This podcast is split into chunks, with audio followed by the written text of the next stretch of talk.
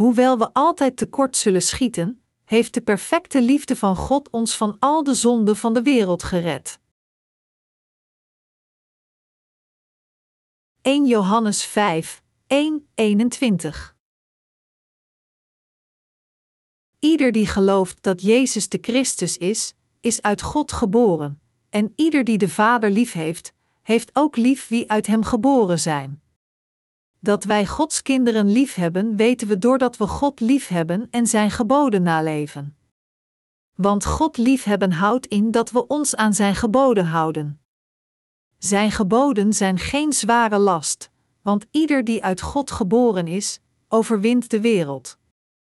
En de overwinning op de wereld hebben wij behaald met ons geloof. Wie anders kan de wereld overwinnen dan hij die gelooft dat Jezus de Zoon van God is? Hij, Jezus Christus, is gekomen door water en bloed, niet door het water alleen, maar door het water en het bloed. En de geest getuigt ervan, omdat de geest de waarheid is. Er zijn dus drie getuigen: de geest, het water en het bloed, en het getuigenis van deze drie is eensluidend. Als we het getuigenis van mensen aannemen, zullen we zeker het getuigenis van God aannemen, dat zoveel meer gezag heeft, want het is het getuigenis dat God over zijn zoon gegeven heeft. Wie in de zoon van God gelooft, draagt het getuigenis in zich.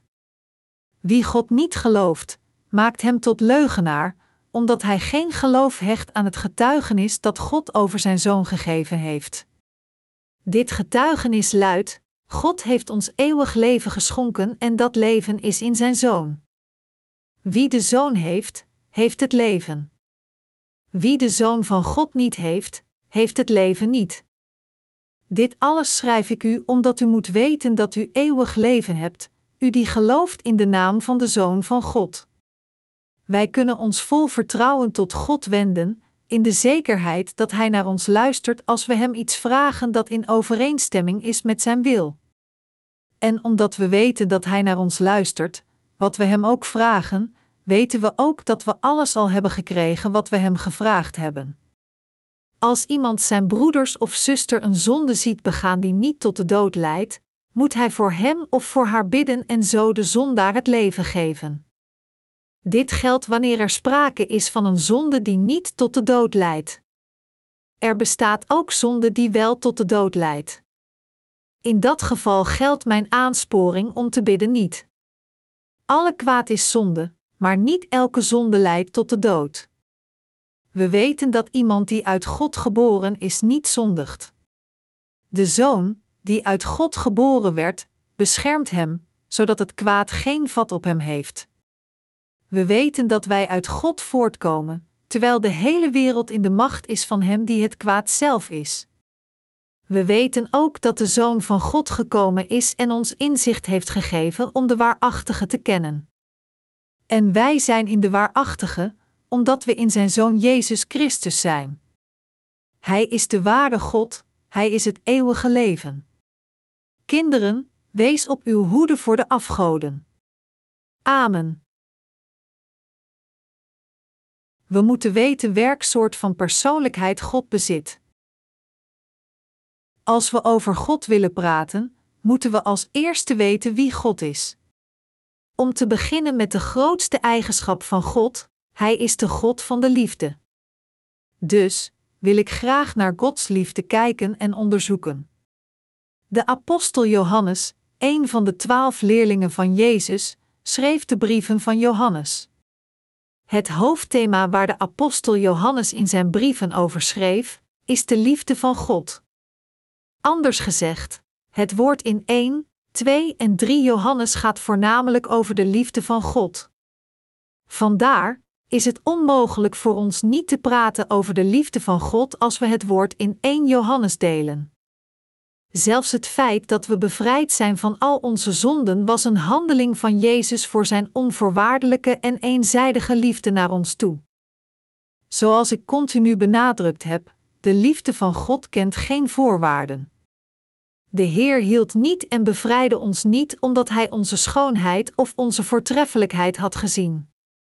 Onze Heer hield eenzijdig van ons omdat wij voor Hem zowel zielig als lieftallig verschenen.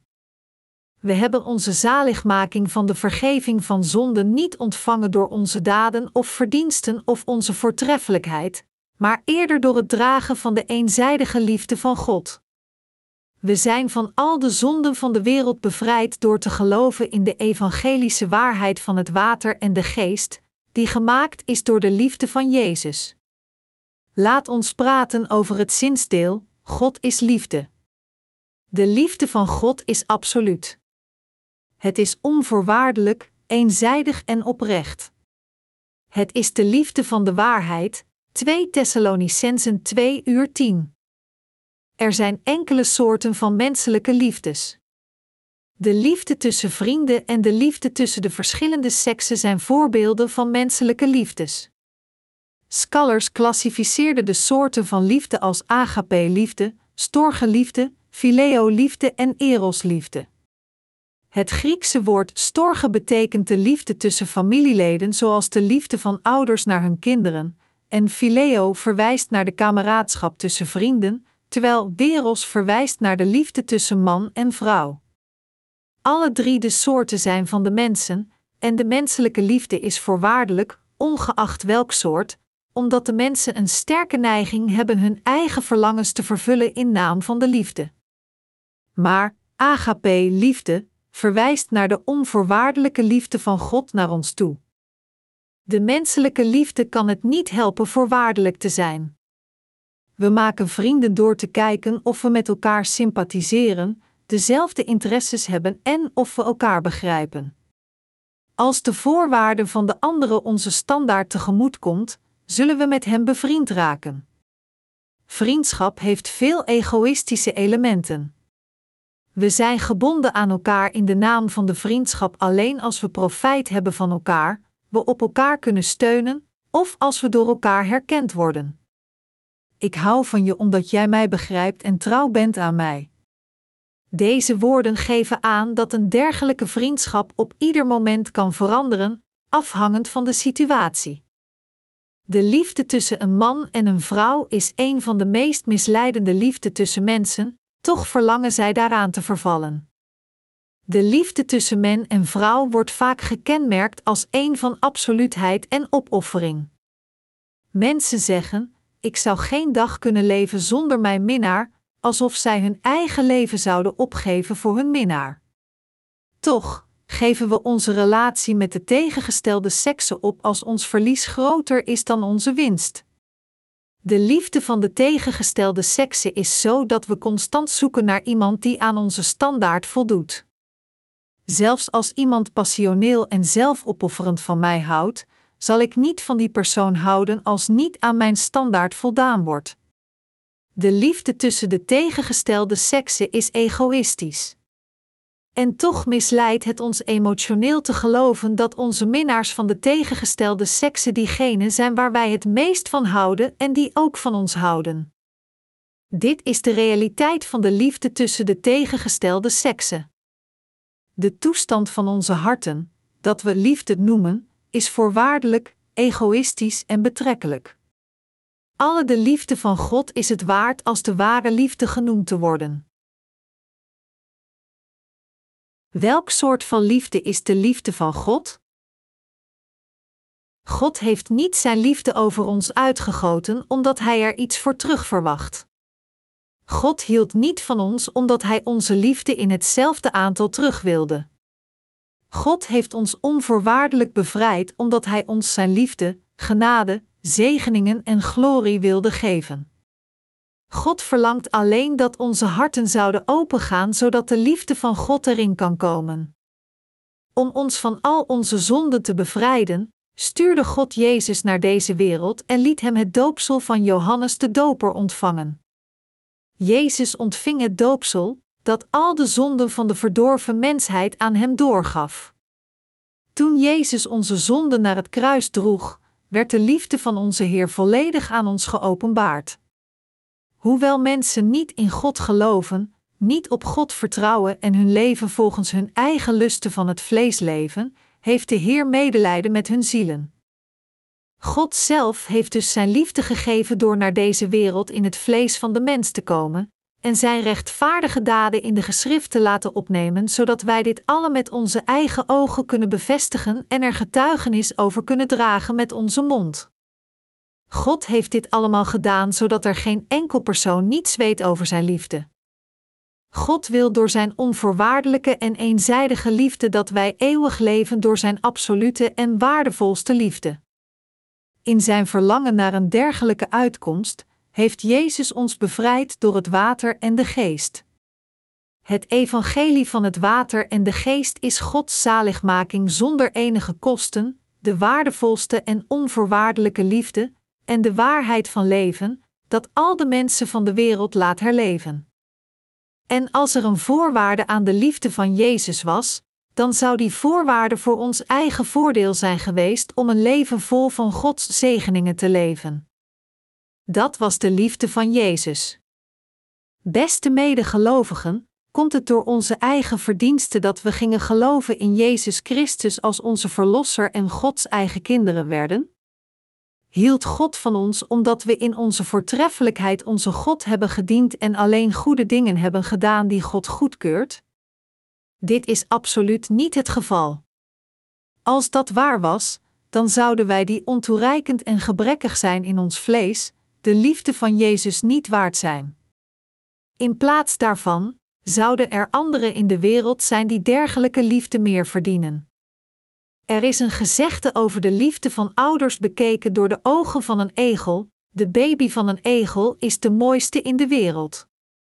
Zo is de liefde van een ouder die houdt van zijn kind ongeacht of het kind goed of slecht is.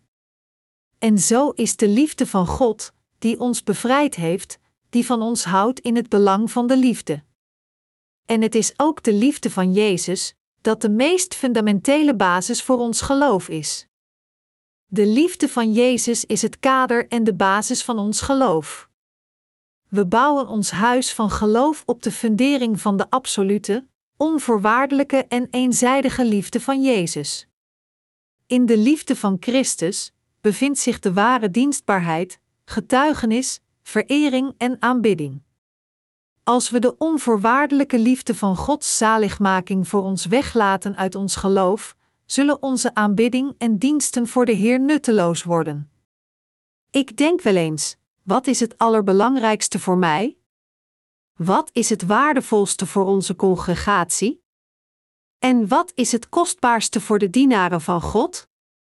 Wat is het belangrijkste ding gegraveerd in onze harten? Dat is het evangelie van het water en de geest dat beleidt dat God in zijn onvoorwaardelijke liefde voor ons, ons als zijn eigen volk heeft geadopteerd. Het evangelie van het water en de geest, waarmee Hij al onze zonden heeft uitgewist en ons als Zijn kinderen heeft geadopteerd door Zijn eenzijdige liefde voor ons, is het eeuwige onveranderende licht in onze harten geworden. Zelfs als we al het andere vergeten, we zouden nooit in staat zijn de liefde van Jezus gegraveerd in onze harten vergeten, dat ons van al onze zonden bevrijdde. Het evangelie van het water en de geest heeft in onze harten plaatsgenomen als de liefde van God die we nooit zullen vergeten. Is dit ook waar voor u? Niets anders kan plaatsnemen in onze harten. In werkelijkheid maakt het niet uit of we God goed eren, of dat we goed bidden, of het evangelie goed dienen. De prioriteit van deze dingen kunnen ieder moment van plaats veranderen. Echter, de absolute liefde van onze Heer, waarmee Hij ons bevrijd heeft, moet te alle tijden het hoogste waardesysteem bezitten. De genade van zaligmaking, waarmee Jezus ons met Zijn liefde heeft bevrijd door het water, het bloed en de geest, heeft onze harten volledig vervuld. Omdat we onze zaligmaking volledig door de liefde van Jezus hebben ontvangen, is er geen plaats voor trots of opschepperij in onze harten, maar alleen dankbaarheid. Gods gebod zegt dat we van elkaar moeten houden. In de geschrifte passage van vandaag spreekt de apostel Johannes over Gods gebod: Ieder die gelooft dat Jezus de Christus is, is uit God geboren, en ieder die de Vader lief heeft, heeft ook lief wie uit hem geboren zijn. Dat wij Gods kinderen liefhebben, weten we doordat we God liefhebben en Zijn geboden naleven. Want God liefhebben houdt in dat we ons aan Zijn geboden houden. Zijn geboden zijn geen zware last, 1 Johannes 5, 1, 3. Deze passage vertelt ons alles over de liefde. Dat is, Gods gebod naar ons toe is niets anders dan liefde. Gods geboden houdt in wat voor Hem moeten doen. Welke geboden moeten we dan voor God houden? Dat is de liefde van God. Het zegt dat de liefde van God ook het gebod van God is.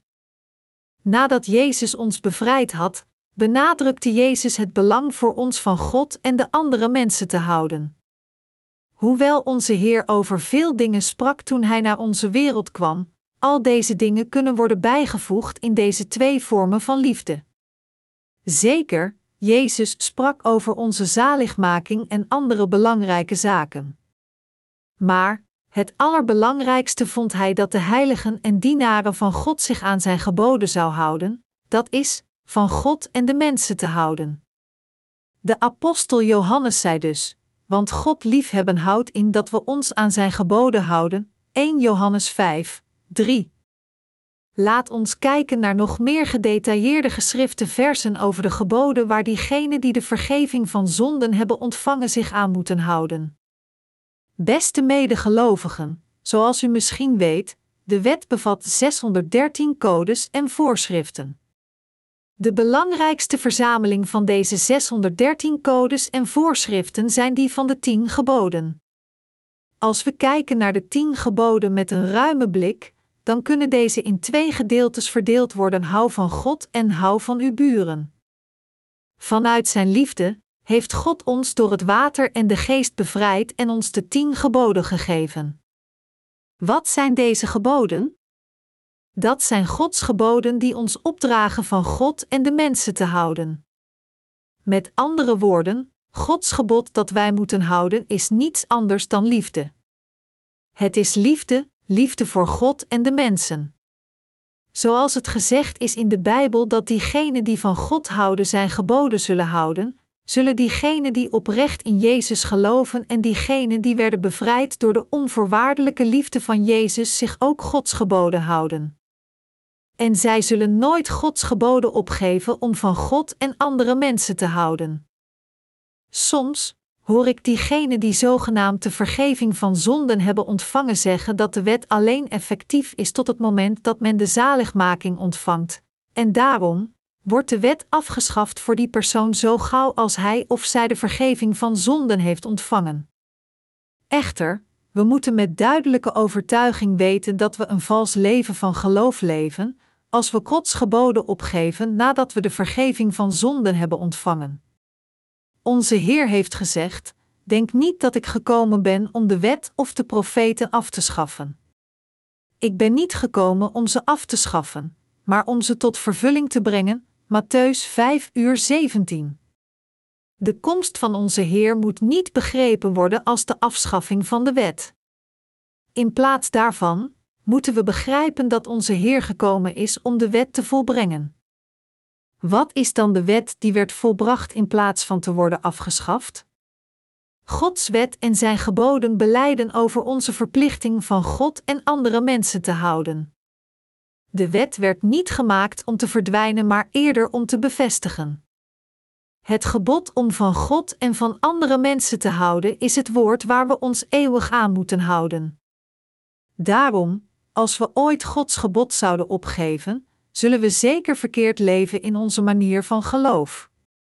Jezus heeft het gebod van God gehouden door naar deze wereld te komen.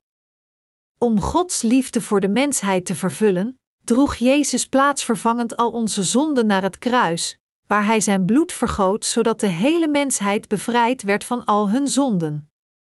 Omdat we Gods eigen mensen zijn, hebben we de verplichting ons aan Gods gebod van liefde te houden. De apostel Johannes zei dat alleen diegenen die zich aan Gods geboden houden oprecht van God houden. We moeten ons dit herinneren: hoe meer ons geloof zich verdiept, hoe meer onze overtuiging zich verdiept, en hoe korter wij bij onze Heer komen, hoe meer wij ons gaan realiseren hoe ontoereikend en zwak we zijn.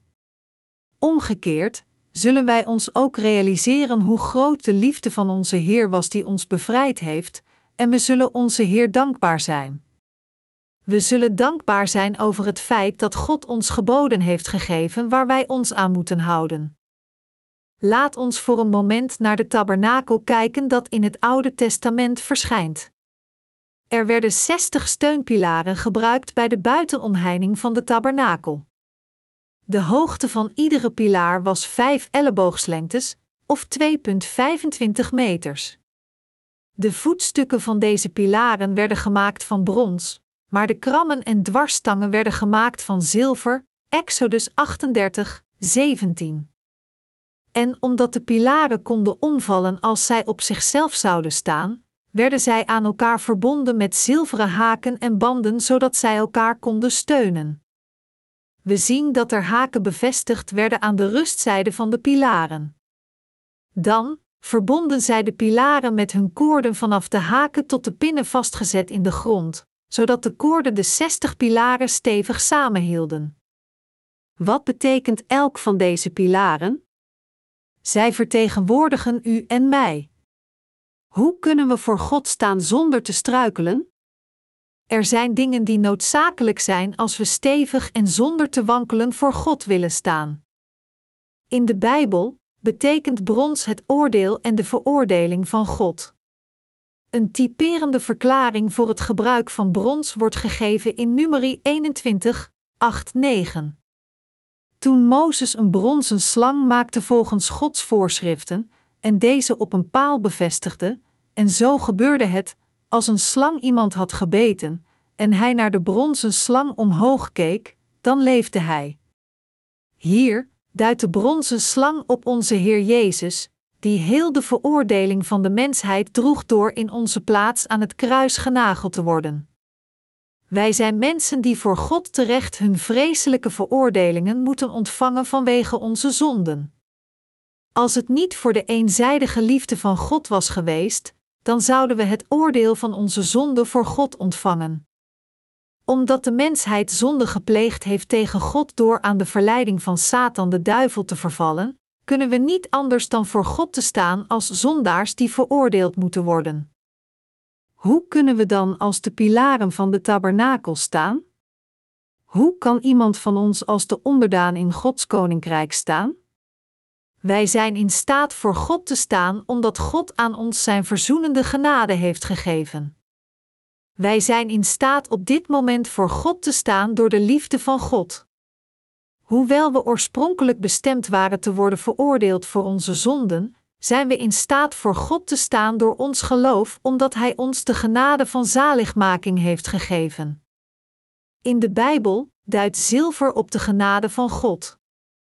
Als we nadenken over de bronzen voetstukken aan de bodem van de pilaar en het zilver dat het kapiteel van de pilaar bedekt, dan kunnen we zeker weten dat het zilver staat voor de vergeving van zonden.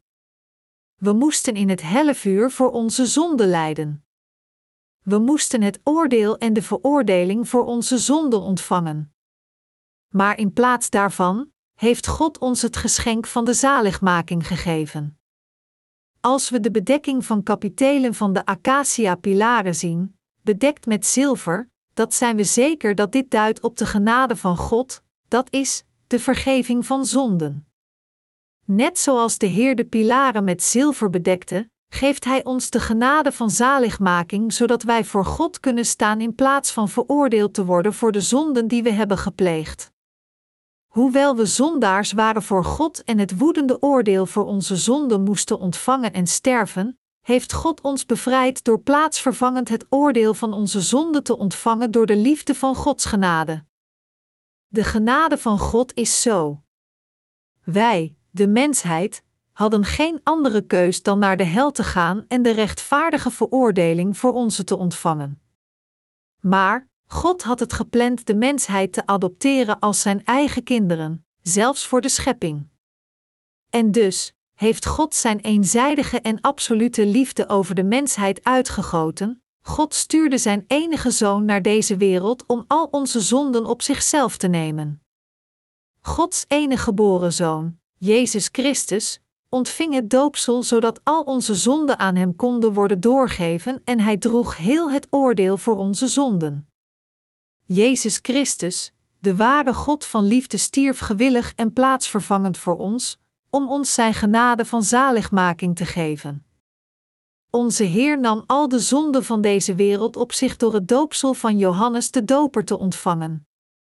Hij droeg onze zonden naar het kruis, waar hij werd gekruisigd en zijn bloed vergoot en stierf. Jezus heeft ons de genade van zaligmaking gegeven door plaatsvervangend te lijden voor het oordeel dat wij ontvangen zouden hebben voor onze zonden. Door het doopsel en bloedvergieten heeft de Heer ons compleet bevrijd van Gods oordeel van zonden. Ook heeft de Heer ons tot Gods eigen mensen gemaakt, door een touw om ons heen te binden en het stevig van iedere kant samen te trekken, zodat de pilaar stevig gegrond staat, zodat wij moedig voor God kunnen staan. Was het niet voor de onvoorwaardelijke liefde van Jezus geweest, dan zouden we niet in staat zijn geweest aan Gods oordeel en veroordeling te ontsnappen. Gelooft u in het doopsel dat Jezus ontving en het kruis, dat ons in staat stelt gekleed te worden met de zaligmaking van Zijn liefde?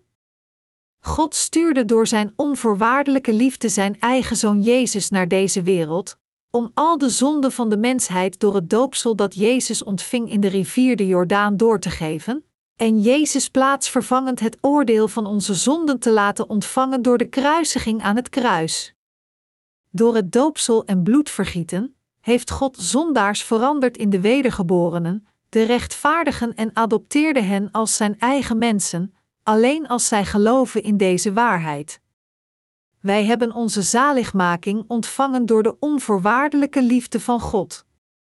Hebt u goede daden volbracht die aan uw eigen zaligmaking van zonden iets opleveren? Nee, helemaal niet. Wij hebben onze zaligmaking niet ontvangen omdat wij zo uitstekend en vroom zijn voor God en wijs en vol van genade. Gebeden in onze vastentijd, gebeden in de bergen en onze tienden en offers waren ook niet de reden voor onze zaligmaking. We hebben onze zaligmaking ontvangen door de eenzijdige en onvoorwaardelijke liefde van God en zijn Zoon Jezus. We hebben onze zaligmaking van zonde ontvangen door te luisteren en met heel ons hart te geloven in het evangelie van het water en de geest. De waarheid is dat wij onze zaligmaking hebben ontvangen en Gods kinderen zijn geworden door te geloven in het God gegeven evangelie van het water en de geest. Hoe moeten we dan leven als we Gods kinderen door Zijn onvoorwaardelijke liefde zijn geworden?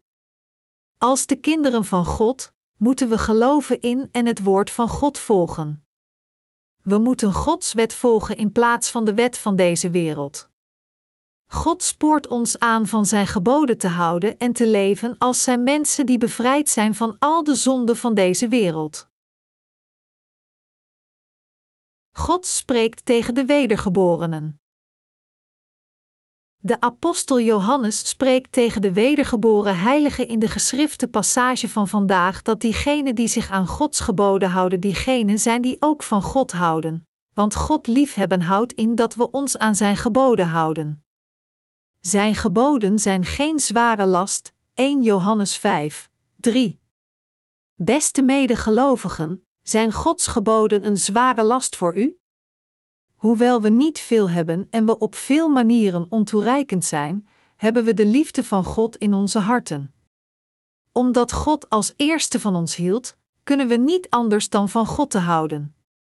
Omdat God onvoorwaardelijk van ons hield, wij die overmand zijn door die liefde hebben de liefde van God in onze harten. Als we de liefde van God niet hebben ontvangen, dan kunnen we niet Zijn liefde zelfverzekerd met anderen delen. Beste medegelovigen, we moeten ons aan Gods geboden houden. Zich aan Gods geboden houden houdt in van God te houden als ook van uw buren, beide broers of zusters, en zelfs van de dienaren van God. Het is niet zo moeilijk lief te hebben. Als we echt bevrijd zijn door Zijn onvoorwaardelijke liefde, dan is er geen reden voor ons deze liefde niet met anderen te delen. Er is een gezegde in de wereld dat zegt: als je een reden hebt om lief te hebben, dan is dat geen ware liefde. Als we onvermijdelijk van gedachten veranderen als we van iemand voorwaardelijk houden, en we voorwaarden hebben als we voor God zijn onvoorwaardelijke liefde komen, dan kunnen we gaan klagen tegen God en Hem uiteindelijk verlaten. Wij, de heiligen, moeten ons aan Gods geboden houden. Waarom zijn onze harten soms zo eenzaam? Dat is omdat we ons de onvoorwaardelijke liefde van God voor ons niet herinneren. Het is omdat we het feit vergeten zijn dat wij onze zaligmaking hebben ontvangen door de allesomvattende en absolute liefde van God. Mensen zeggen dat mensen die verliefd zijn mooier worden, dat voor hen de wereld mooier wordt en dat hun harten overvloedig groeien. Als onze harten eenzaam zijn, ondanks het feit dat wij onze zaligmaking van zonde hebben ontvangen, dan is dat omdat we niet vurig van God houden. Als we om ons heen kijken, dan heeft God een omgeving voor ons gecreëerd om oprecht lief te hebben en een overvloedig en mooi leven te leiden. God heeft ons Zijn gigantische liefde gegeven zodat wij van God houden, van de zielen van anderen en van onze broeders en zusters. Nu zijn we in staat met een overvloedig en zacht hart lief te hebben door Zijn liefde die wij al hebben ontvangen. U hebt de liefde van God ontvangen en u bent bekwaam van anderen te houden omdat mensen die de vergeving van zonden hebben ontvangen door te geloven in het evangelie van het water en de geest geen zonde in hun harten hebben, zijn zij in staat van andere mensen om hun heen te houden, omdat hun hart vervuld is met Gods liefde. God heeft ons verteld dat wij ons aan Zijn geboden moeten houden. Beste medegelovigen, is er iemand niet bewust van Gods geboden? Ik wed dat ieder van u bewust is van Gods geboden om van God en andere mensen te houden. Het is correct van ons om van de dienaren van God te houden en van de broeders en zusters als een familie in Christus.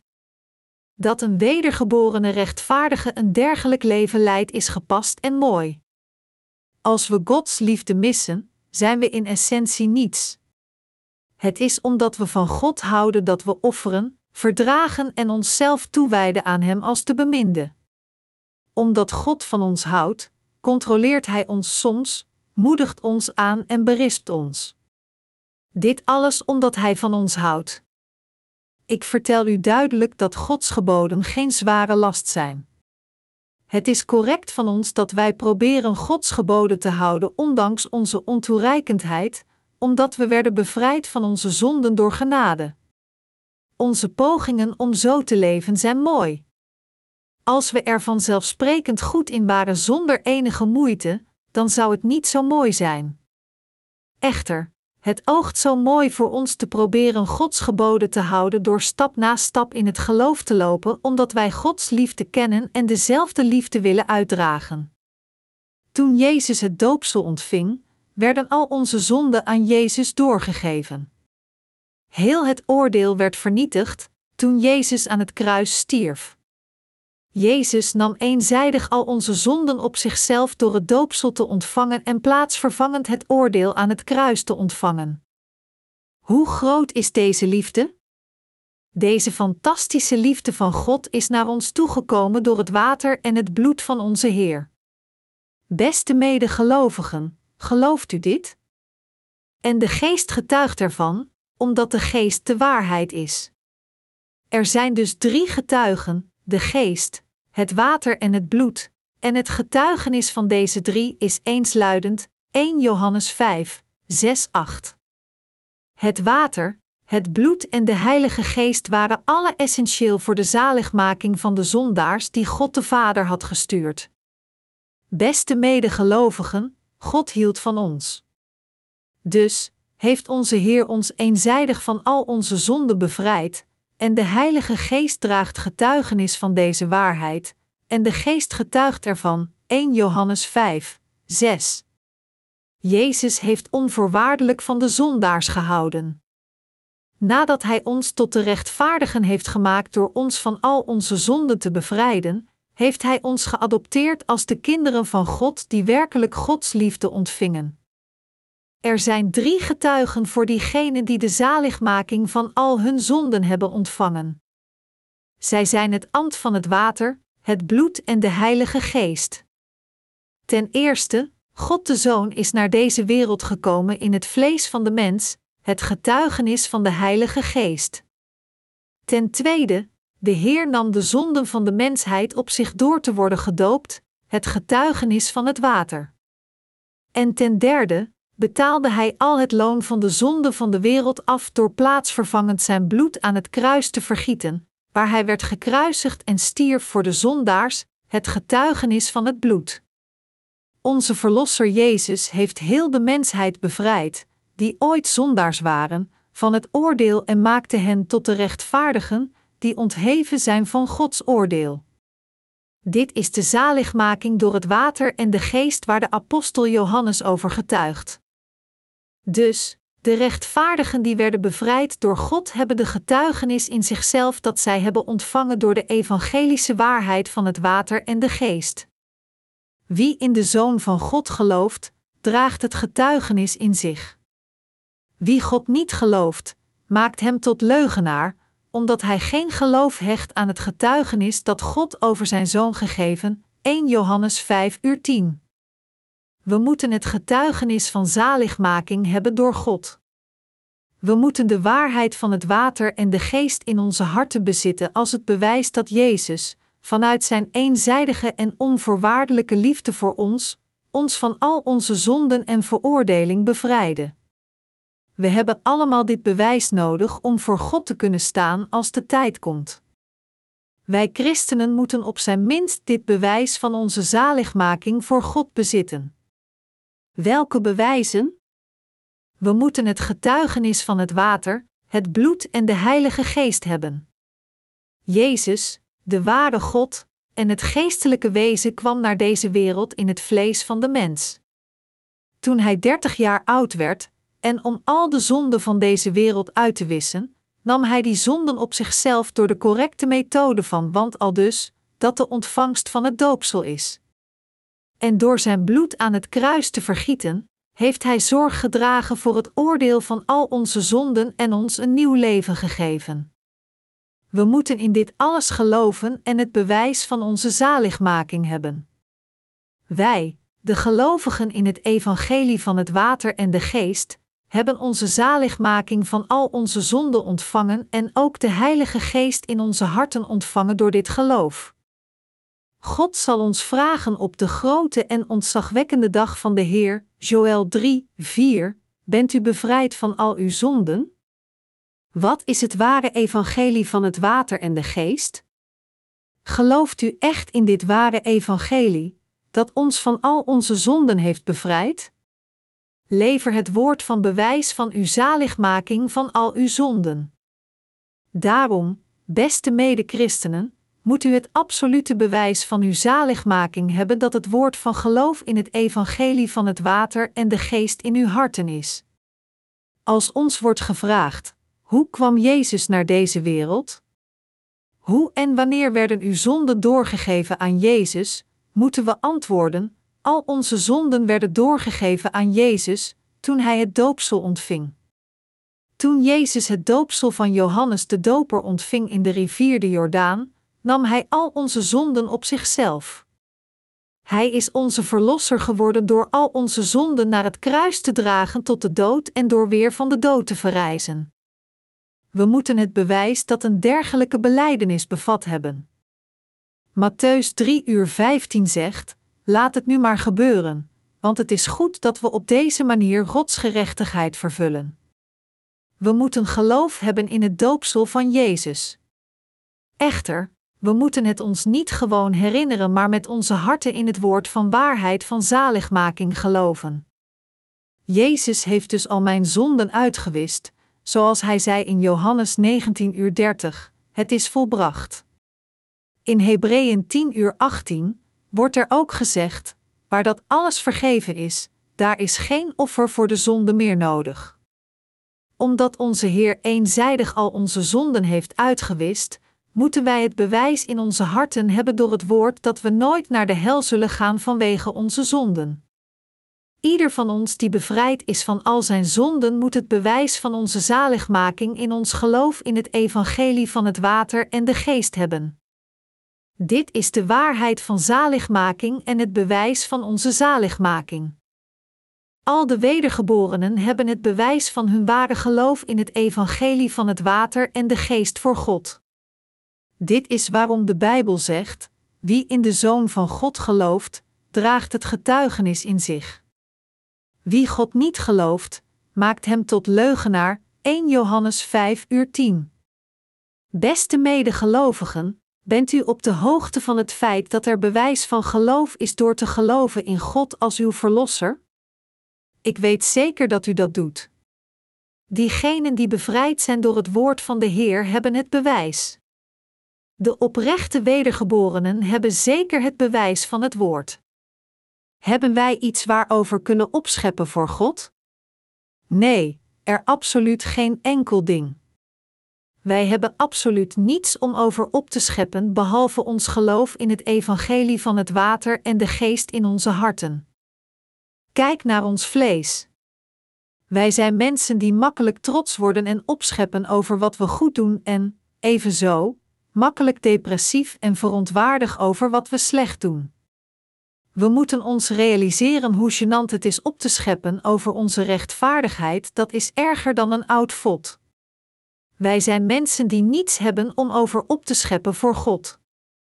Wij zijn gewoon een zondig volk, een volk beladen met onrechtvaardigheid, een gebroed van slechterikken, en de kinderen die verdorven zijn, Jesaja 1, 4, alles dat uit het vlees komt is slecht, en wij zijn hulpeloos zonder de genade van zaligmaking afkomstig van God. Echter, onze Heer heeft ons van al onze zonden bevrijd omdat Hij eenzijdig en onvoorwaardelijk van ons hield. Onze Heer heeft de zaligmaking van al onze zonden volbracht alleen door Gods rechtvaardigheid en niet door onze eigen rechtvaardigheid. Het evangelie van het water en de geest is nu in onze harten. Hij die ons zonder zonden heeft gemaakt en ons nieuw leven heeft gegeven, is onze Heer. Dus kunnen we niet anders dan te beleiden: God, u hebt mij bevrijd omdat u van mij hield. De maatstaf van onze zaligmaking is niets anders dan het evangelie van het water en de geest. Beste medegelovigen, bevat 0,1% van de voorwaarden van onze zaligmaking onze eigen voortreffelijkheid? Zijn wij genoodzaakt lichamelijk lang te zijn om onze zaligmaking te ontvangen? Maakt het uit hoe mooi onze lichamen ogen? Heeft onze gespierdheid effect op onze zaligmaking? Kan ons humeur een factor voor onze zaligmaking zijn? Zal iets van ons vlees bijdragen aan onze kans voor de ontvangst van zaligmaking? Niets van deze dingen helpt ons onze zaligmaking te ontvangen voor God. Of we nu makkelijk boos worden na een kleine provocatie, of als een bruid zijn, we onschuldig handelen, pervers zijn, of gewelddadig, niets maakt verschil als het erop aankomt de vergeving van zonde te ontvangen. Wat er uit ons vlees komt, kan ons niet behulpzaam zijn bij onze zaligmaking, die absoluut en eenzijdig gegeven is door God. Jezus heeft ons toegestaan geboren te worden in deze wereld volgens Zijn voorzienigheid. Als we naar onszelf in de spiegel kijken, vinden we onszelf niet zo lieftallig, maar God vindt ons zo lieftallig dat Hij ons heeft bevrijd met Zijn onvoorwaardelijke en eenzijdige liefde voor ons. Gelooft u dat onze Heer al onze zonden door het water, het bloed en de Heilige Geest heeft uitgewist, die de belichaming van Zijn onvoorwaardelijke en absolute liefde is? Er is geen 0,1% van onze eigen rechtvaardigheid te vinden in het evangelie van het water en de geest. In de harten van de wedergeborenen, die hun geloof in het evangelie van het water en de geest hebben, is het bewijs van waarheid van zaligmaking. Echter, er zijn nog steeds diegenen die het hart van onze Heer verdriet doen door te zeggen: Maar Heer, ik kan deze twijfelachtige boodschap niet geloven. Hoewel u zegt dat u mij van al mijn zonden hebt verlost, heb ik nog steeds mijn zonden. In de harten van deze mensen is er geen bewijs van geloof in het evangelische woord van het water en de geest. Maar, u moet weten dat God duidelijk verklaart: wie God niet gelooft, maakt hem tot leugenaar. 1 Johannes 5 uur 10. Leeft u toevallig uw geestelijk leven met het valse geloof dat God tot leugenaar maakt? God heeft ons met zijn methode van zaligmaking bevrijd door zijn onvoorwaardelijke liefde die werd volbracht door het water, het bloed en de geest. Het water duidt op de waarheid dat uw zonden werden weggewassen, omdat al uw zonden werden doorgegeven aan Jezus toen hij het doopsel ontving. Het bloed getuigt over de waarheid dat door al de zonden van de wereld op zich te nemen door het doopsel dat hij ontving, Jezus in staat was al onze zonden naar het kruis te dragen, waar hij plaatsvervangend het oordeel van onze zonde ontving en stierf. En de geest draagt getuigenis over de waarheid dat de Zoon van God in het vlees van de mens ingekomen en eenzijdig heel de mensheid heeft bevrijd. Anders gezegd, het water getuigt dat God al de zonden van de mensheid heeft uitgewist door het doopsel van Jezus, waardoor al de zonden van de wereld aan hem werden doorgegeven. Het bloed getuigt dat toen Jezus aan het kruis stierf, al onze zonden samen met hem stierven, en dat de Heilige Geest verklaart dat Jezus onze perfecte Verlosser is geworden. Terwijl God ons helemaal heeft bevrijd van onze zonden, maken diegenen die niet volledig geloven in God zich druk over hun geloof door vol te houden dat zij nog steeds zondaars zijn. Diegenen die nu nog steeds zo handelen, hebben nog niet geloofd in Jezus Christus als hun eigen Verlosser, die kwam door het evangelie van het water en de geest. Zelfs deze mensen zouden volledig bevrijd kunnen zijn van hun zonde als zij zouden geloven in de getuigenissen van het water, het bloed en de Heilige Geest. In de harten van de mensen die geloven in het evangelie van het water, het bloed en de Heilige Geest dat al onze zonden van het verleden, heden en de toekomst heeft weggenomen, verblijft de Heilige Geest. En de Heilige Geest getuigt dat we geen zonde meer hebben. Diegenen die geloven in de evangelische waarheid van het water en de geest hebben geen zonde op welk moment in tijd dan ook. We kunnen niet de volledige vergeving van zonde ontvangen als we een van de drie weglaten in ons geloof in het evangelie van het water, het bloed en de Heilige Geest. Toch geloven sommige mensen niet in het hele getuigenis van het water, het bloed en de Heilige Geest, maar geloven in hen selectief, de een of andere eruit latend.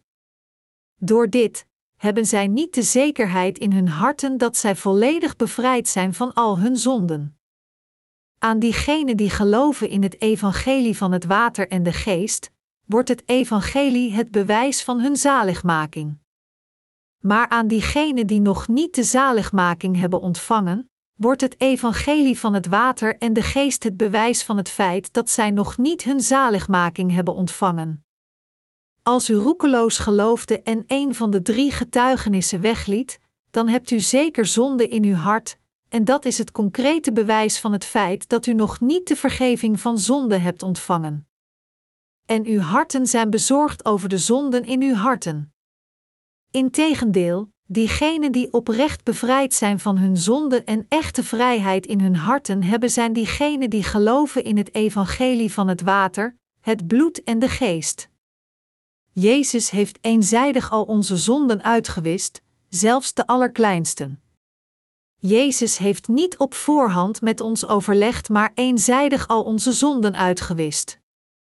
Voor het geval we in verlegenheid zouden zeggen: vraag me dat alstublieft niet. Ik kan daar geen antwoord op geven. Heeft Jezus eenzijdig alle zondaars van al hun zonden bevrijd door zijn eigen doopsel van het water, het bloed vergoten aan het kruis, en hij zijnde de Heilige Geest? Beste medegelovigen, gelooft u hierin? De reden waarom onze Heer al onze zonden heeft uitgewist was zodat wij het eeuwige leven zouden ontvangen. U moet geloven in dit evangelie van het water en de geest. het eeuwige leven dat God ons heeft geschonken. De apostel Johannes vertelt ons dit om ons te laten weten dat wij het eeuwige leven hebben, 1 Johannes 5 uur 13.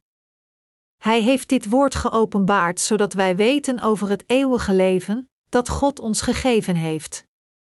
Beste mede-christenen, aan diegenen die hun zaligmaking hebben ontvangen, het eeuwige leven in de hemel bestaat. Beste medegelovigen, begrijpt u wat het eeuwige leven is? De rechtvaardigen stralen eeuwig als de zon, spreuken 4 uur 18. Het eeuwige leven houdt in dat we nooit zullen sterven en voor eeuwig zullen leven. Dat is anders dan ons huidige leven dat een definitief einde heeft. Het eeuwige leven heeft geen einde. Erover nadenkend, het eeuwige leven is bijna niet te beschrijven. Omdat onze lichamen nog niet zijn verrezen, leven we nog steeds in deze begrensde wereld die vol met limieten zit. Dus, het concept van het eeuwige leven zonder de dood te kennen lijkt zo onreëel voor ons. Er is geen andere manier dan te geloven in God, die ons het eeuwige leven schenkt, want wij hebben nog niet genoten van het eeuwige leven. Ik leef al meer dan 50 jaar, maar nog steeds voelt mijn leven te kort om te weten wat het eeuwige leven lichamelijk is.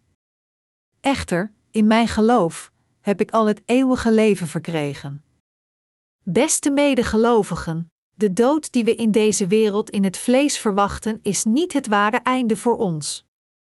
Voor diegenen die wedergeboren zijn door te geloven in het evangelie van het water en de geest, zal er ook de verrijzenis zijn van hun lichamen voor het eeuwige leven. Als een persoon eenmaal sterft in deze wereld, verlaat hij zijn lichaam tijdelijk. Dit is niet de eeuwige dood. De ziel van een persoon blijft in leven en staat voor zijn zonden terecht voor God.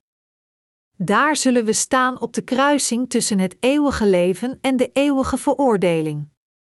Diegenen die wedergeboren zijn en compleet schoongewassen van hun zonde door te geloven in het evangelie van het water en de geest ontvangen het eeuwige gezegende leven. Diegenen die niet zijn wedergeboren en die nog steeds zonde in hun harten hebben ervaren de dood nog een keer, waar zij veroordeeld worden tot het hellevuur waar zelfs geen meet kan sterven. God zal de wedergeboren weer laten verrijzen voor het eeuwige leven. En als Gods eigen volk zullen zij eeuwig leven in het koninkrijk van de hemel. Zij zullen eeuwig in getransformeerde lichamen, onsterfelijke lichamen en onvergankelijke lichamen net als de verrezen Jezus leven. Dit is inderdaad het eeuwige leven. De wedergeborenen vinden vrede door in Gods geboden te blijven. Wij de wedergeborenen zijn gelukkig en in vrede als we verblijven in Gods geboden. Als we ons houden aan en verblijven in het woord van de geboden om van God en van andere mensen te houden, worden onze harten opgetogen. Wij zijn moedig in onze harten. Wij hebben vrede in onze harten en Gods glorie en genade vervult onze harten overvloedig. Toch moeten we voorzichtig zijn zodat er niemand Gods liefde verlaat en in plaats daarvan verliefd wordt op een persoon die nog niet is wedergeboren in zijn ijver te leven met de geboden om van God en van andere mensen te houden. Diegenen die geloven in het evangelie van het water en de geest moeten van elkaar geestelijk en correct houden. Als we falen dit te doen, zullen we te hartstochtelijk vervallen aan de vleeselijke liefde met diegenen die zich deze waarheid nog niet realiseren. Er zijn tijden dat onze tekortkomingen zich in realiteit openbaren, zelfs nadat we wedergeboren zijn en proberen te verblijven in Gods geboden. Schieten we niet vaak tekort voor God en andere mensen? Dat doen we zeker. Omdat zelfs de wedergeborenen tekortschieten, plegen wij zelfs zonden. Ik ben een man met een levendig humeur. Ik toon mijn slecht temperament vooral als mijn lichaam ziek is. Zelfs als ik mijn temperament niet aan anderen toon, ben ik geneigd deze aan mijn vrouw te tonen. Ik maak mij druk over dingen waar ik mij niet druk over moet maken als ik mij ziek voel. Het is moeilijk vriendelijk te zijn als je buikpijn hebt en je vermoeid bent, niet in staat je lichaam te controleren. Dit is een voorbeeld van een kleine fout van mij. Er zijn vele andere dingen die mijn lichaam en geweten mij laten zien als mijn fouten. U zult zeggen: hoe kan een pastoor dergelijke dingen doen? Eigenlijk, wanneer ik een pijnlijke scheut van mijn geweten voel, denk ik aan het doopsel Jezus ontving en bid naar God, mijn Heer, Help mij gezond te zijn, zodat ik het evangelie van het water en de geest kan verspreiden terwijl ik in deze wereld leef. Hoewel ik zwak ben, weet ik dat ik moet leven in het evangelie van het water en de geest en het over de wereld moet verspreiden. Heer, ik geloof dat u al mijn tekortkomingen heeft weggenomen. Omdat ik geloof dat u, mijn Heer, al mijn zonden heeft weggewassen met het doopsel dat u ontving, bid ik naar u omdat ik zo geloof. Net zo, benader ik de rivier de Jordaan met mijn geloof in het evangelie van het water en de geest. Laat het nu maar gebeuren, want het is goed dat we op deze manier Gods gerechtigheid vervullen. Matthäus 3 uur 15. Het is altijd goed te lezen over het doopsel dat Jezus ontving, waarmee hij al de zonden op zichzelf nam. Omdat al mijn zonden die mijn geweten bezig hielden doorgegeven zijn aan Jezus door het opleggen van handen van Johannes de Doper toen hij Jezus doopte, wordt mijn geloof meteen aangemoedigd wanneer ik deze passage van de Bijbel lees. Alsof ik mij nooit slecht gevoeld heb, zeg ik: Schat, laten we gaan eten. Sorry dat ik boos was op jou. Goed? We moeten de avonddienst bijwonen na het avondeten. Beste medegelovigen, ik hoop dat u zich realiseert dat dit doopsel dat Jezus ontving de zaligmaking van God is. We kunnen onszelf niet de rechtvaardigen noemen, was het niet voor het doopsel dat Jezus ontving, net zoals we niet konden spreken over de afschaffing van het oordeel zonder als eerste Jezus bloedvergieten aan het kruis te noemen. Het doopsel dat Jezus ontving. Omdat Jezus het doopsel ontving, kunnen wij God elk moment met vertrouwen benaderen. Omdat Jezus het doopsel ontving, kunnen wij met een rein geweten in het koninkrijk van God staan, net zoals de zestig pilaren rondom de tabernakel stonden, beleidend: Heer, ik ben rechtvaardig. Ik ben uw dienaar. Ik ben een van uw mensen. De gelovigen zijn moedig in hun harten omdat zij geloven in de Heer die hen van hun zonden heeft bevrijd door het water en de geest. Omdat Jezus al de zonden op zichzelf nam door zijn doopsel, zijn wij in staat moedig te leven en vertrouwelijk naar God te bidden. Wij hebben onze moedigheid ontvangen door ons geloof in het evangelie van het water en de geest. Keer op keer ontvangen we antwoorden als we bidden. En we zijn in staat zo tot vandaag te leven door de genade van onze Heer. Sommigen zullen tegen deze waarheid argumenteren door te zeggen: Als u rechtvaardig wordt genoemd, dan mag u geen enkele zonde plegen. Niet waar? Dat is niet hoe het is. Wij worden de rechtvaardigen genoemd omdat wij geloven in het evangelie van het water, het bloed en de Heilige Geest, en niet omdat we geen zonde plegen. U moet erkennen dat zelfs de wedergeborenen zonde plegen. We moeten toegeven dat ieder van ons verschillende zonden dag in dag uitplegen. Wij blijven zonden plegen tot de dag dat we doodgaan. Echter, al deze zonden werden doorgegeven aan Jezus. Werden uw zonden doorgegeven? Ja, ze werden doorgegeven toen Jezus gedoopt werd in de rivier de Jordaan. Als uw zonden al aan Jezus werden doorgegeven, heeft u dan nog steeds zonden of niet? U hebt geen zonde meer. Als we zeggen dat al onze zonden werden doorgegeven, over welke periode praten we dan? Zegt de Bijbel niet dat al de zonden van de wereld werden doorgegeven aan Jezus? Als al de zonden van de wereld aan Jezus werden doorgegeven, werden dan niet al de zonden van ons hele leven ook aan Jezus doorgegeven? Wij zijn zonder enige zonde en kunnen met vertrouwen voor God staan, omdat al onze zonden die we hebben gepleegd en nog zullen plegen tot de dag dat we doodgaan doorgegeven werden aan het hoofd van Jezus. Jezus, die wist dat wij zouden zondigen tot de dag van onze dood, heeft al onze zonden op zich genomen. Als we zeggen dat wij geen enkele zonde plegen, dan maken we van Jezus een leugenaar en van zijn rechtvaardigheid onrechtvaardigheid. Wij zijn in staat te zeggen dat we zondeloos zijn door ons geloof. Hoe zouden we ooit zo'n geloof kunnen beleiden, als Jezus niet het doopsel had ontvangen? Toch zijn er zoveel valse predikers in het hedendaagse christendom. Zij leren hun congregatie niet meer te zondigen. Hun congregatie zijn de mensen die naar de kerk komen om God te vragen al hun zonden uit te wissen vanwege de enorme kwelling van zonden. Maar dergelijke valse leerlaren moedigen hun aanhangers alle aangebeden van berouw te bidden, grote bergen van offers te brengen en de gemeenschap te dienen, in plaats van hen het woord van de vergeving van zonde te geven. Zij zijn de roofdieren die de lichamen en geesten van diegenen leegzuigen die zoeken naar de liefde en rechtvaardigheid van God omdat zij zelf tekortschieten. Beste mede-christenen, hoe kunnen wij, die gewoon mens zijn, geen zonde plegen? Hoe kunnen wij, die gewoon mens zijn, geen zonde met onze lichamen en geweten plegen? Wij plegen ontelbare zonden. Hoe kunnen we dan zeggen dat wij rechtvaardig zijn? Het is omdat Jezus in zijn eenzijdige onvoorwaardelijke liefde een menselijk wezen werd door te komen in het vlees van de mens, en omdat Hij toen compleet zorg droeg voor al onze zonden en het oordeel geopenbaard door het water en het bloed dat wij de rechtvaardigen worden genoemd door ons geloof.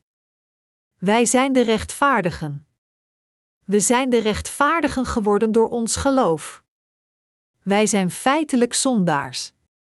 Hoe kunnen we zonden hebben als al onze zonden werden doorgegeven aan Jezus? Hebt u gezien dat Jezus het doopsel ontving? Hebt u het gezien? Natuurlijk heb ik dat. Hoe hebt u dat gezien? Was u erbij? Natuurlijk was ik erbij. Hoe kunt u erbij geweest zijn? U liegt tegen mij.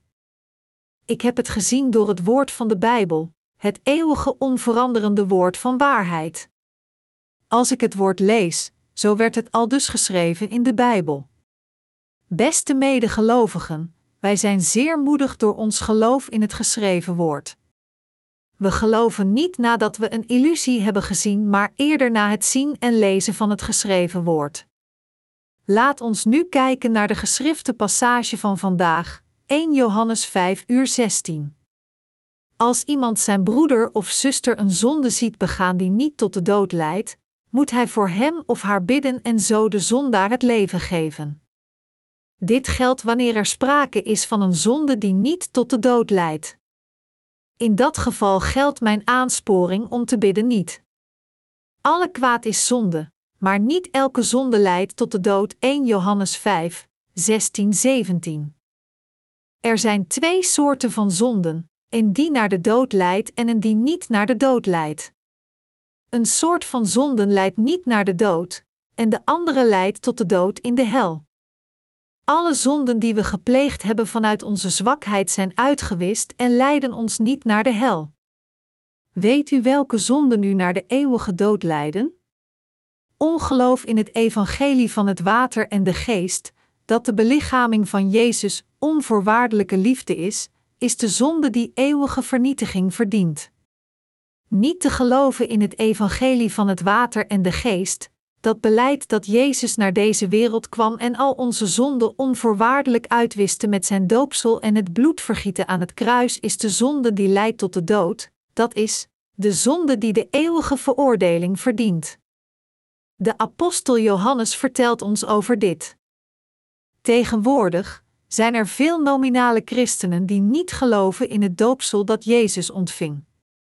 Velen van hen denken dat Jezus het doopsel van Johannes de Doper ontving omdat hij ons zijn nederigheid wilde tonen.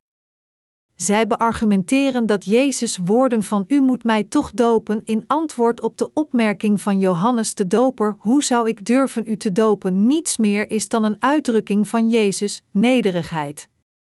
Het is hartverscheurend mensen deze onwaarheid en valse woorden zo koud te horen zeggen.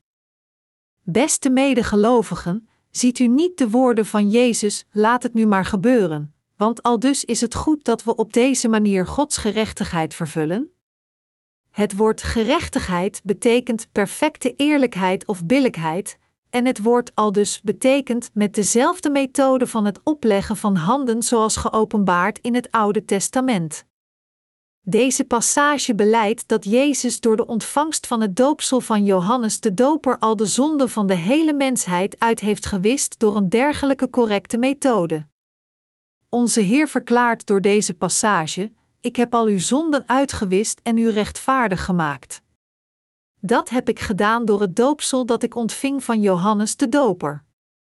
Nu zal iedereen die in deze waarheid gelooft de complete zaligmaking ontvangen. Dit is het evangelie van het water en de geest. Begrijpt u nu het evangelie van het water en de geest? Een van de oorspronkelijke betekenissen van het doopsel is het doorgeven van zonden. Wat betekenen de woorden want al dus? Zij betekenen door middel van Jezus doopsel van Johannes de Doper. Wie is dan Johannes de Doper? Er staat geschreven in Matthäus 11 uur 11: Er is onder alle die uit een vrouw geboren zijn nooit iemand opgetreden die groter was dan Johannes de Doper. Johannes de Doper is niemand anders dan de vertegenwoordiger van de hele mensheid. En hij is ook een afstammeling van Aaron, de hoge priester, Lucas 1, 5 en 1 Kronieken 24 uur 10. Johannes de Doper, die Jezus doopte, was in werkelijkheid de hoge priester, die als de vertegenwoordiger van heel de mensheid al onze zonden aan Jezus doorgaf. Wat probeerde Jezus te bereiken door het doopsel van Johannes de Doper te ontvangen? Wilde hij de hele wereld zijn nederigheid tonen?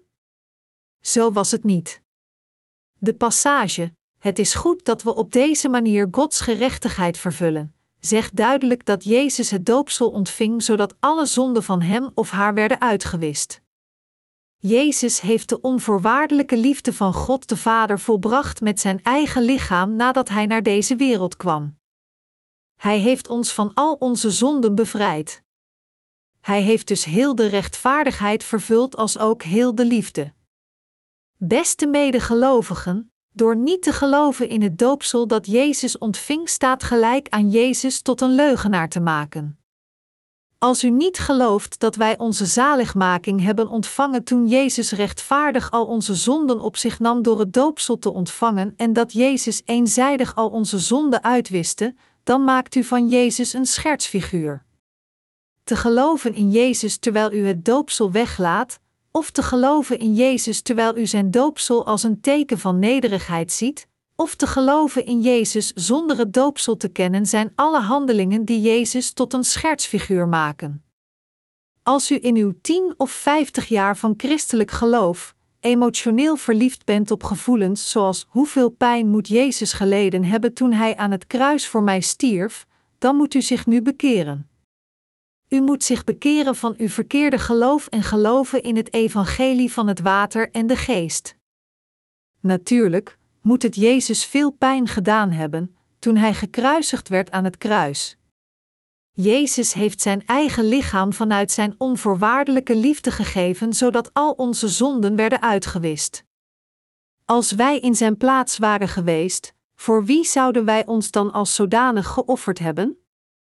Bent u van plan Jezus belachelijk en tot een leugenaar te maken, die zelfs zijn eigen lichaam voor ons offerde? Zo niet, dan moet u correct weten en geloven waarom Jezus aan het kruis moest sterven en waarom hij het doopsel moest ontvangen. Beste medegelovigen, laten wij onszelf in zijn schoenen verplaatsen. Iemand moet sterven vanwege de zonden die hij heeft gepleegd. Maar ik hou van diegenen heel erg veel. Dus zeg ik tegen deze persoon: Kom tevoorschijn.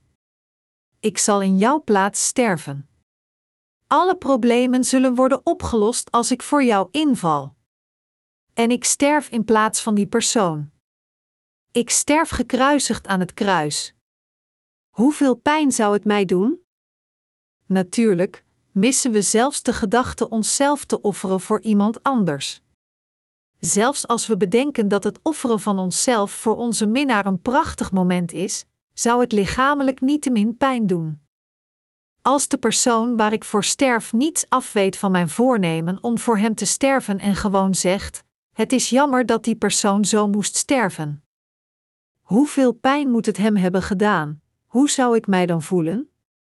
We zullen spijt hebben dat we voor hem zijn gestorven door zijn absolute onwetendheid.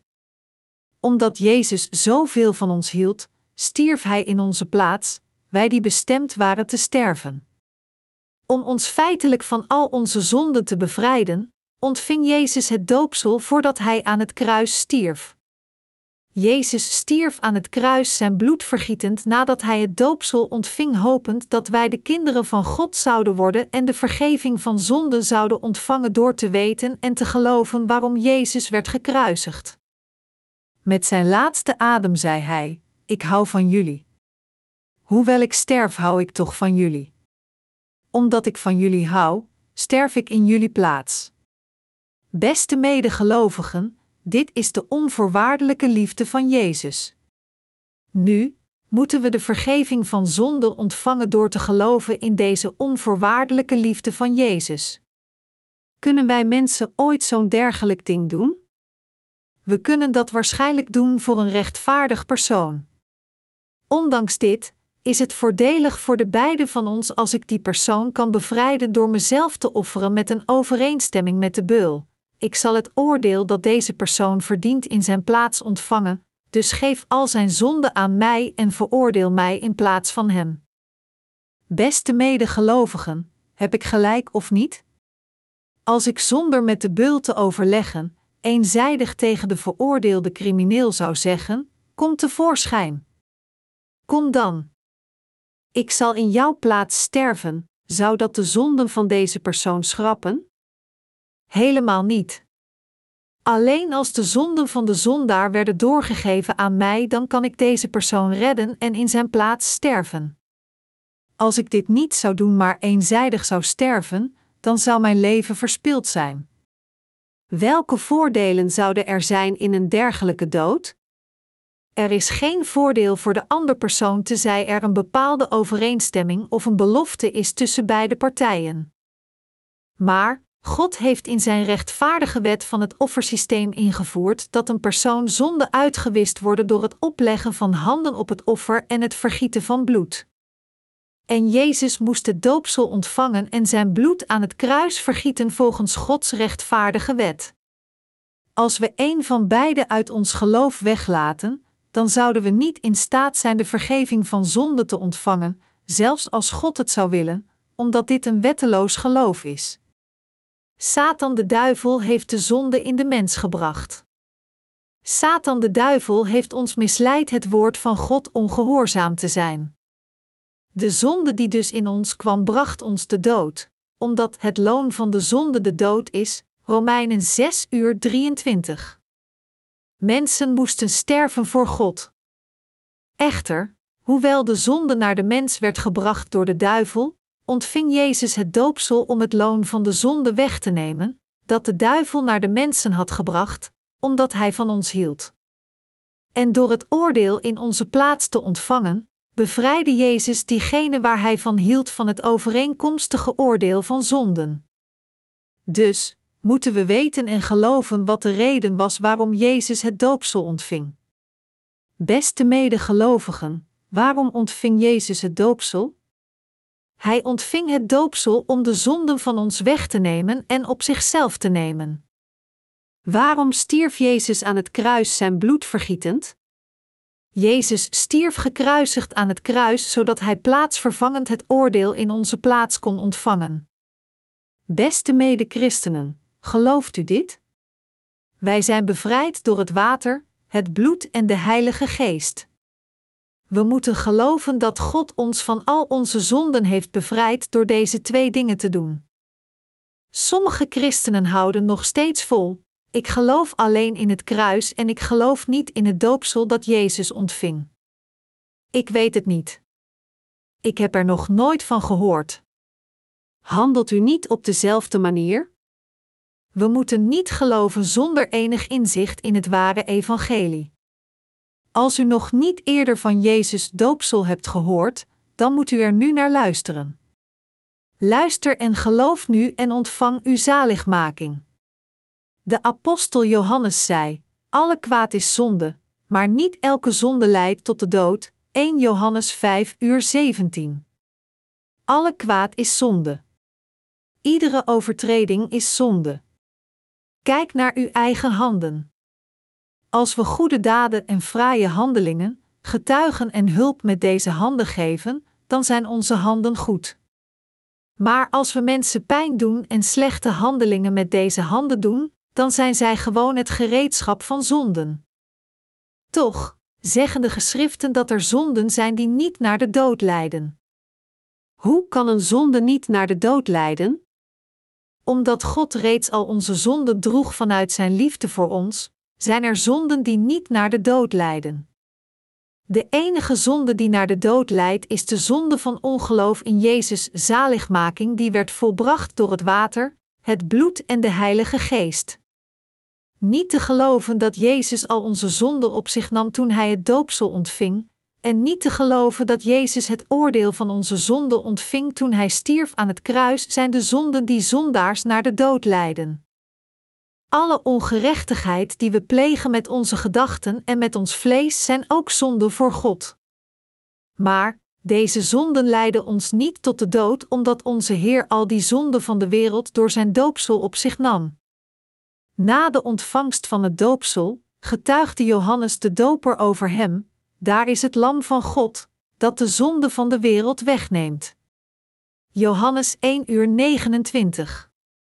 Zonden die we plegen in onze lichamen, die we plegen in onze harten en die ons geweten steken, al deze zonden van de wereld zijn door Jezus overgenomen, toen hij het doopsel in de rivier de Jordaan ontving. Jezus nam dus al onze zonden op zich door het doopsel te ontvangen en al onze zonden naar het kruis tot de dood te dragen, waar zijn aardsleven eindigde op 33-jarige leeftijd. Jezus slaakte de woorden: Het is volbracht, toen hij stierf. En hij vervulde heel het oordeel voor onze zonden. Net zo bevrijdde Jezus ons van al onze zonden door het water en het bloed. Beste medegelovigen, we moeten geen zonde plegen die naar de dood leiden. Denkt er iemand: waarom is er zonde in mij terwijl ik in Jezus geloof? Het is vreemd, heel vreemd. Waarom zou er zonde zijn als ik geloof? Wat dergelijke gelovigen zeggen is dat zij niet weten waarom er zonde in hun harten zit, zelfs als zij goed geloven, proberen te leven met het woord en zoveel gebeden van berouw bidden. Het is omdat zij niet weten of niet geloven in de reden waarom Jezus het doopsel ontving. Om te geloven in Jezus als zijn persoonlijke Heer en Verlosser, is het zeer belangrijk te weten en te geloven in het doopsel dat Jezus ontving. De vergeving van zonden zonder Jezus doopsel is als een maisbroodje zonder hotdogworst. Het evangelie zonder het doopsel is als een klok zonder wijzers. De zaligmaking zonder het doopsel is als een hoofd zonder hersenen. Beste medegelovigen, begrijpt u mij? De zonde dat een persoon uitsluit van de vergeving van zonde en dus naar de hel leidt, is de zonde van niet te geloven in het doopsel, het kruis en de verrijzenis van Jezus alles samen als in. Dit is niet iets dat ik u vertelt, maar wat het woord van God vertelt. 1 Johannes 5 uur 18 zegt: we weten dat iemand die uit God geboren is niet zondigt. De zoon, die uit God geboren werd, beschermt hem, zodat het kwaad geen vat op hem heeft. Het zegt dat diegenen die de zaligmaking hebben ontvangen uit God geboren zijn en geen enkele zonde plegen. Wij die wedergeboren zijn, zijn niet in staat een soort van zonde te plegen. Welke zonde? Het betekent dat wij niet de zaligmaking van al onze zonden kunnen ontkennen dat Jezus volbracht door het water en het bloed. Begrijpt u dit? Wij kunnen het evangelie van het water en de geest niet ontkennen. Als u een zonde pleegt nadat u de vergeving van zonde hebt ontvangen, dan is dat geheel uw fout, maar de zaligmaking die Jezus u gegeven heeft kan hierdoor niet worden opgeheven.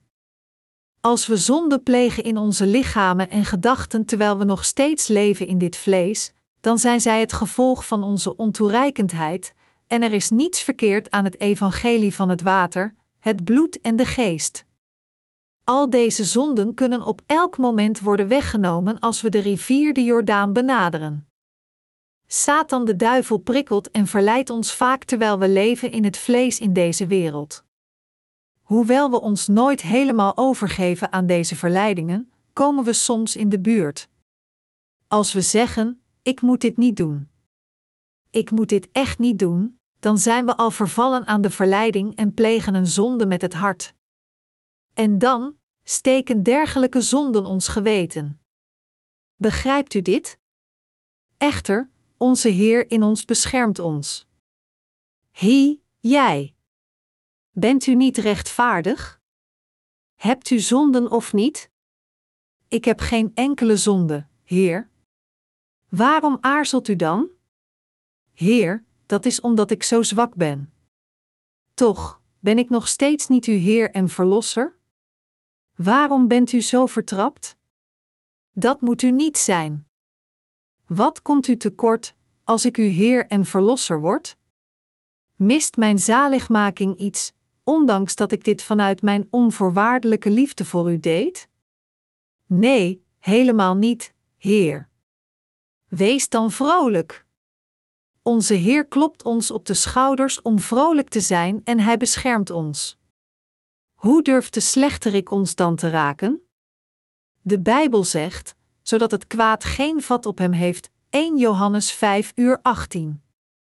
Beste medegelovigen, de slechterik kan diegenen niet raken die wedergeboren zijn uit het water, het bloed en de Heilige Geest, net zoals de apostel Johannes was. Hoewel we fouten maken met onze lichamen, zijn we fundamenteel niet in staat Jezus te ontkennen. We kunnen de zaligmaking die Jezus ons gegeven niet ontkennen, die volbracht werd door de onvoorwaardelijke liefde van Jezus door het water en het bloed.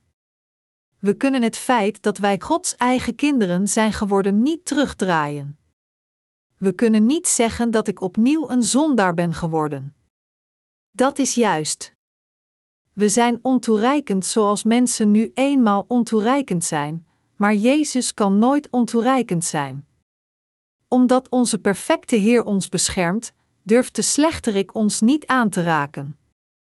Dus, diegene die dit evangelie voorkomt, heeft een probleem met het geloof in het waterdoopsel dat Jezus ontving.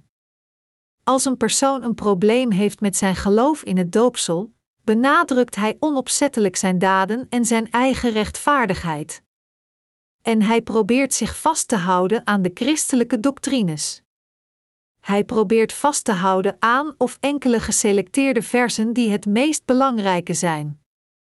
Alleen als we het juiste geloof in het doopsel hebben, is het vasthouden aan specifieke geschrifte passages niet belangrijk. En hoewel we zwak zijn, is de zaligmaking die we hebben ontvangen perfect. Beste medegelovigen, de liefde van Jezus is onvoorwaardelijk, oprecht en perfect. Door de eenzijdige, genadige en absolute liefde van onze Heer werden we bevrijd van al onze zonden. De zaligmaking die u en ik hebben ontvangen is niet ontoereikend, maar eerder perfect. Omdat Jezus eenzijdig van ons hield, heeft Hij ons tot de mensen van God de Vader gemaakt. En dus werd onze zaligmaking volbracht. Hij woont in ons als het wezen van de Heilige Geest. Door de Heilige Geest laat Hij ons de betekenis van de Bijbel realiseren. De Heilige Geest wordt onze leraar die alles aan ons verduidelijkt. En de Heilige Geest leidt ons. Ik vind de manier waarop de Heilige Geest u iets leert als uw leraar uitgesproken belangrijk. 1 Johannes 5 uur 19 zegt: We weten dat wij uit God voortkomen, terwijl de hele wereld in de macht is van Hem die het kwaad zelf is. Er zijn twee soorten van mensen die hun soort van geloof praktiseren: diegenen die aan God toebehoren en de anderen die aan de wereld toebehoren. Of zij nu geloven in het boeddhisme, christendom of iets anders, mensen die religie praktiseren, kunnen verdeeld worden in deze twee categorieën. Zelfs de christenen kunnen in deze twee categorieën verdeeld worden. Die mensen die aan God toebehoren en de anderen die aan de wereld toebehoren. De mensen die aan de wereld toebehoren, behoren aan de duivel. De mensen die aan God toebehoren, hebben de vergeving van zonde ontvangen door te geloven in het water, het bloed en de Heilige Geest, die de uitdrukking van Gods onvoorwaardelijke liefde zijn. Zij leven vreugdevol, ondanks dat zij zwak zijn, omdat zij dankbaar zijn voor het gratis geschenk van zaligmaking van God. Diegenen die zijn wedergeboren door hun geloof in het evangelie van het water en de geest behoren toe aan God. Zij behoren aan God door te geloven in de onvoorwaardelijke liefde van Jezus en in de zaligmaking voltooid door het water, het bloed en de Heilige Geest. Echter, diegenen die hierin niet geloven behoren toe aan de wereld. Ik kan niet anders dan mijn dank aan de Heer zo te beleiden: Heer, ik ben absoluut niets. Ik ben een eikel in het hondenvoer. Ik ben gewoon nergens goed voor, en ik heb niets om over op te scheppen voor u. Hoewel ik zo zwak ben, bent u perfect. Dank u, Heer. Ja, Heer. Hoe kan ik ooit voldoen aan uw genade, ongeacht hoe hard ik het ook probeer? Kan ik ooit uw genade winnen door mijn daden, ongeacht hoe goed ik mij ook gedraag? Dat klopt, Heer. Heer, uw woorden zijn zo perfect, compleet, puur en delicaat. Uw liefde van zaligmaking is oprecht fantastisch. Het is te perfect. In Psalm 18 uur 31 verklaart David: Gods weg is volmaakt. Het woord van de Heer is zuiver, een schild is hij voor alle die bij hem schuilen. Gods woord is echt puur, perfect en delicaat. Hij heeft ons zijn perfecte zaligmaking gegeven, dat geschreven staat in zijn gedetailleerd woord. Daarom, als u dagelijks uw geloof beleidt terwijl u alleen gelooft in Jezus bloedvergieten aan het kruis, dan is uw geloof onvolledig en vergeefs. U vraagt waarom. Het is omdat met een dergelijk geloof er nog steeds zonden in uw harten zijn. Moet u zichzelf dwingen om in de waarheid te geloven? Moet u zoveel moeite doen om in deze waarheid te geloven? Is het echt noodzakelijk dat we zoveel moeite daarin steken, als God reeds onze zaligmaking heeft volbracht? Er is niets anders dat we kunnen doen dan alleen dankbaar te zijn en te geloven in het evangelie van het water en de geest, dat beleidt dat onze Heer door zijn onvoorwaardelijke liefde voor ons, ons heeft bevrijd met het water, het bloed en de Heilige Geest. We hoeven alleen te antwoorden en akkoord te gaan met zijn liefde van zaligmaking, door te zeggen: Ja, u hebt gelijk. Dank u, Heer. Ik waardeer uw liefde. Amen. Het is eigenlijk zeer makkelijk en simpel. 1 Johannes 5, 2021 zegt: We weten ook dat de Zoon van God gekomen is en ons inzicht heeft gegeven om de waarachtige te kennen. En wij zijn in de waarachtige, omdat we in zijn Zoon Jezus Christus zijn. Hij is de ware God, Hij is het eeuwige leven. Kinderen, wees op uw hoede voor de afgoden. Amen.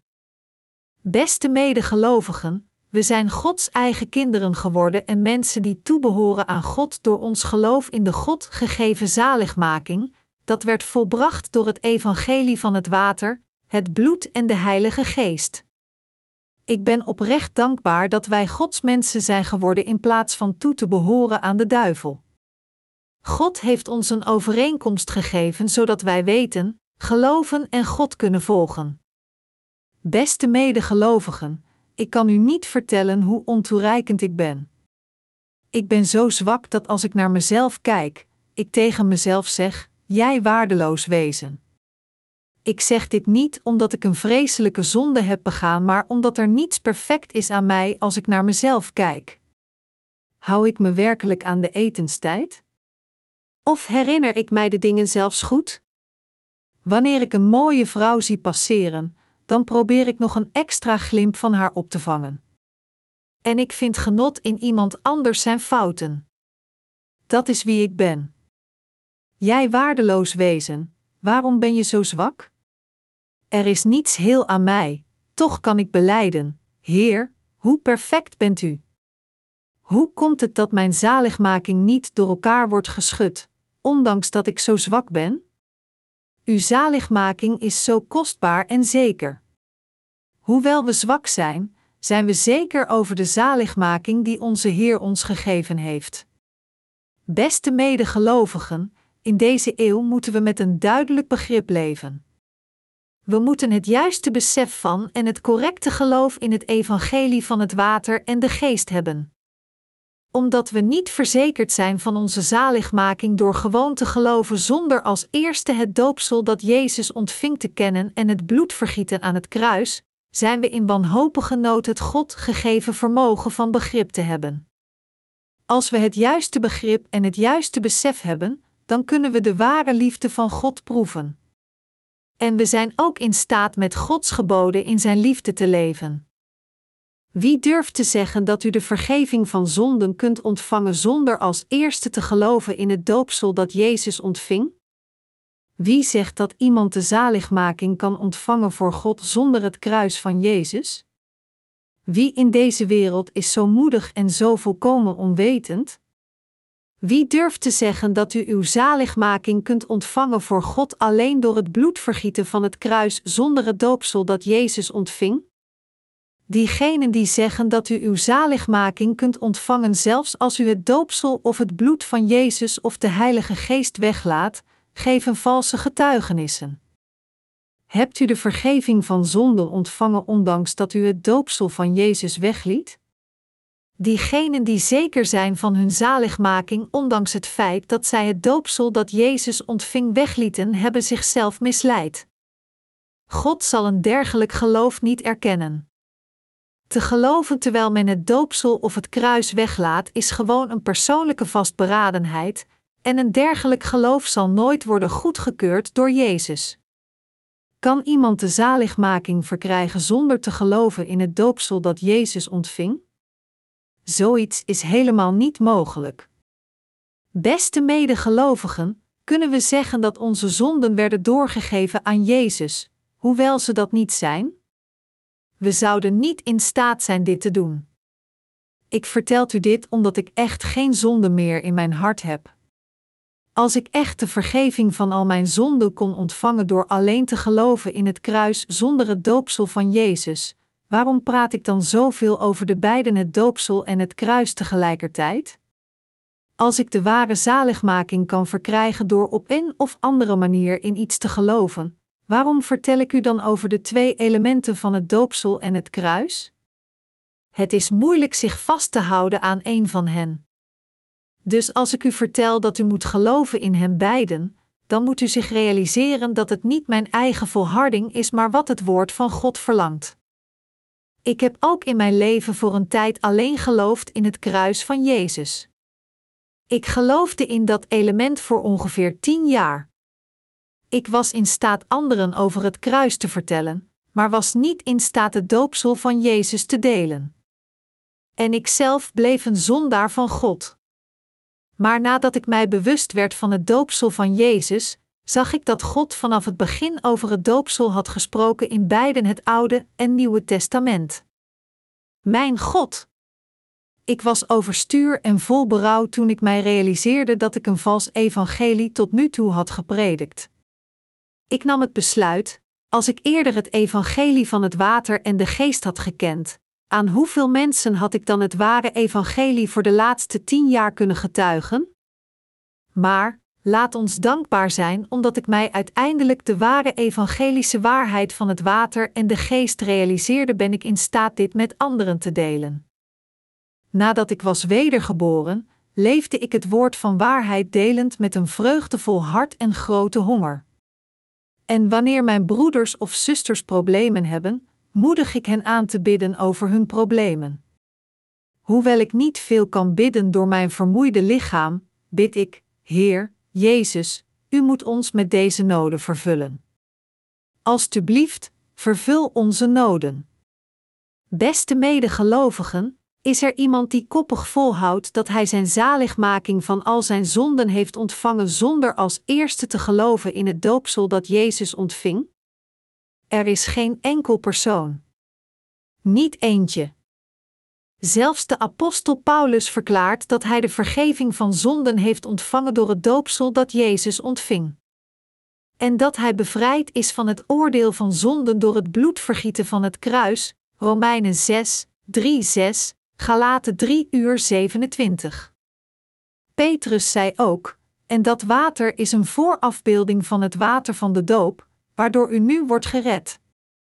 De doop wast niet het vuil van uw lichaam, het is een vraag aan God om een zuiver geweten. Hierom kunt u vragen dankzij de opstanding van Jezus Christus, 1 Petrus 3 uur 21. De apostel Johannes zei ook dat hij de zaligmaking heeft ontvangen door het water, het bloed en de Heilige Geest, 1 Johannes 5, 5, 8. Hij houdt ook vol dat het bewijs van de vergeving van zonde in het water, het bloed en de Heilige Geest ligt. Daarom moeten we als zodanig in onze zaligmaking geloven. Gelooft u zo? Ja, ik weet zeker dat u dat doet. Beste medegelovigen, als uw geloof tot nu toe tekort geschoten is, laat ons van nu af aan geloven volgens het geschreven woord van het water en de geest. Laat ons geloven in het doopsel van Jezus en zijn bloed vergieten zoals geopenbaard in het gegeven woord van de Heer. Onze Heer heeft de zondaars bevrijd van hun zonde door in het vlees van de mens te komen, het doopsel te ontvangen en zijn bloed aan het kruis te vergieten. Ik geloof dat Jezus al de zondaars heeft bevrijd door het water, het bloed en de Heilige Geest. Wij geven onze oprechte dank aan God door ons ware geloof. Halleluja!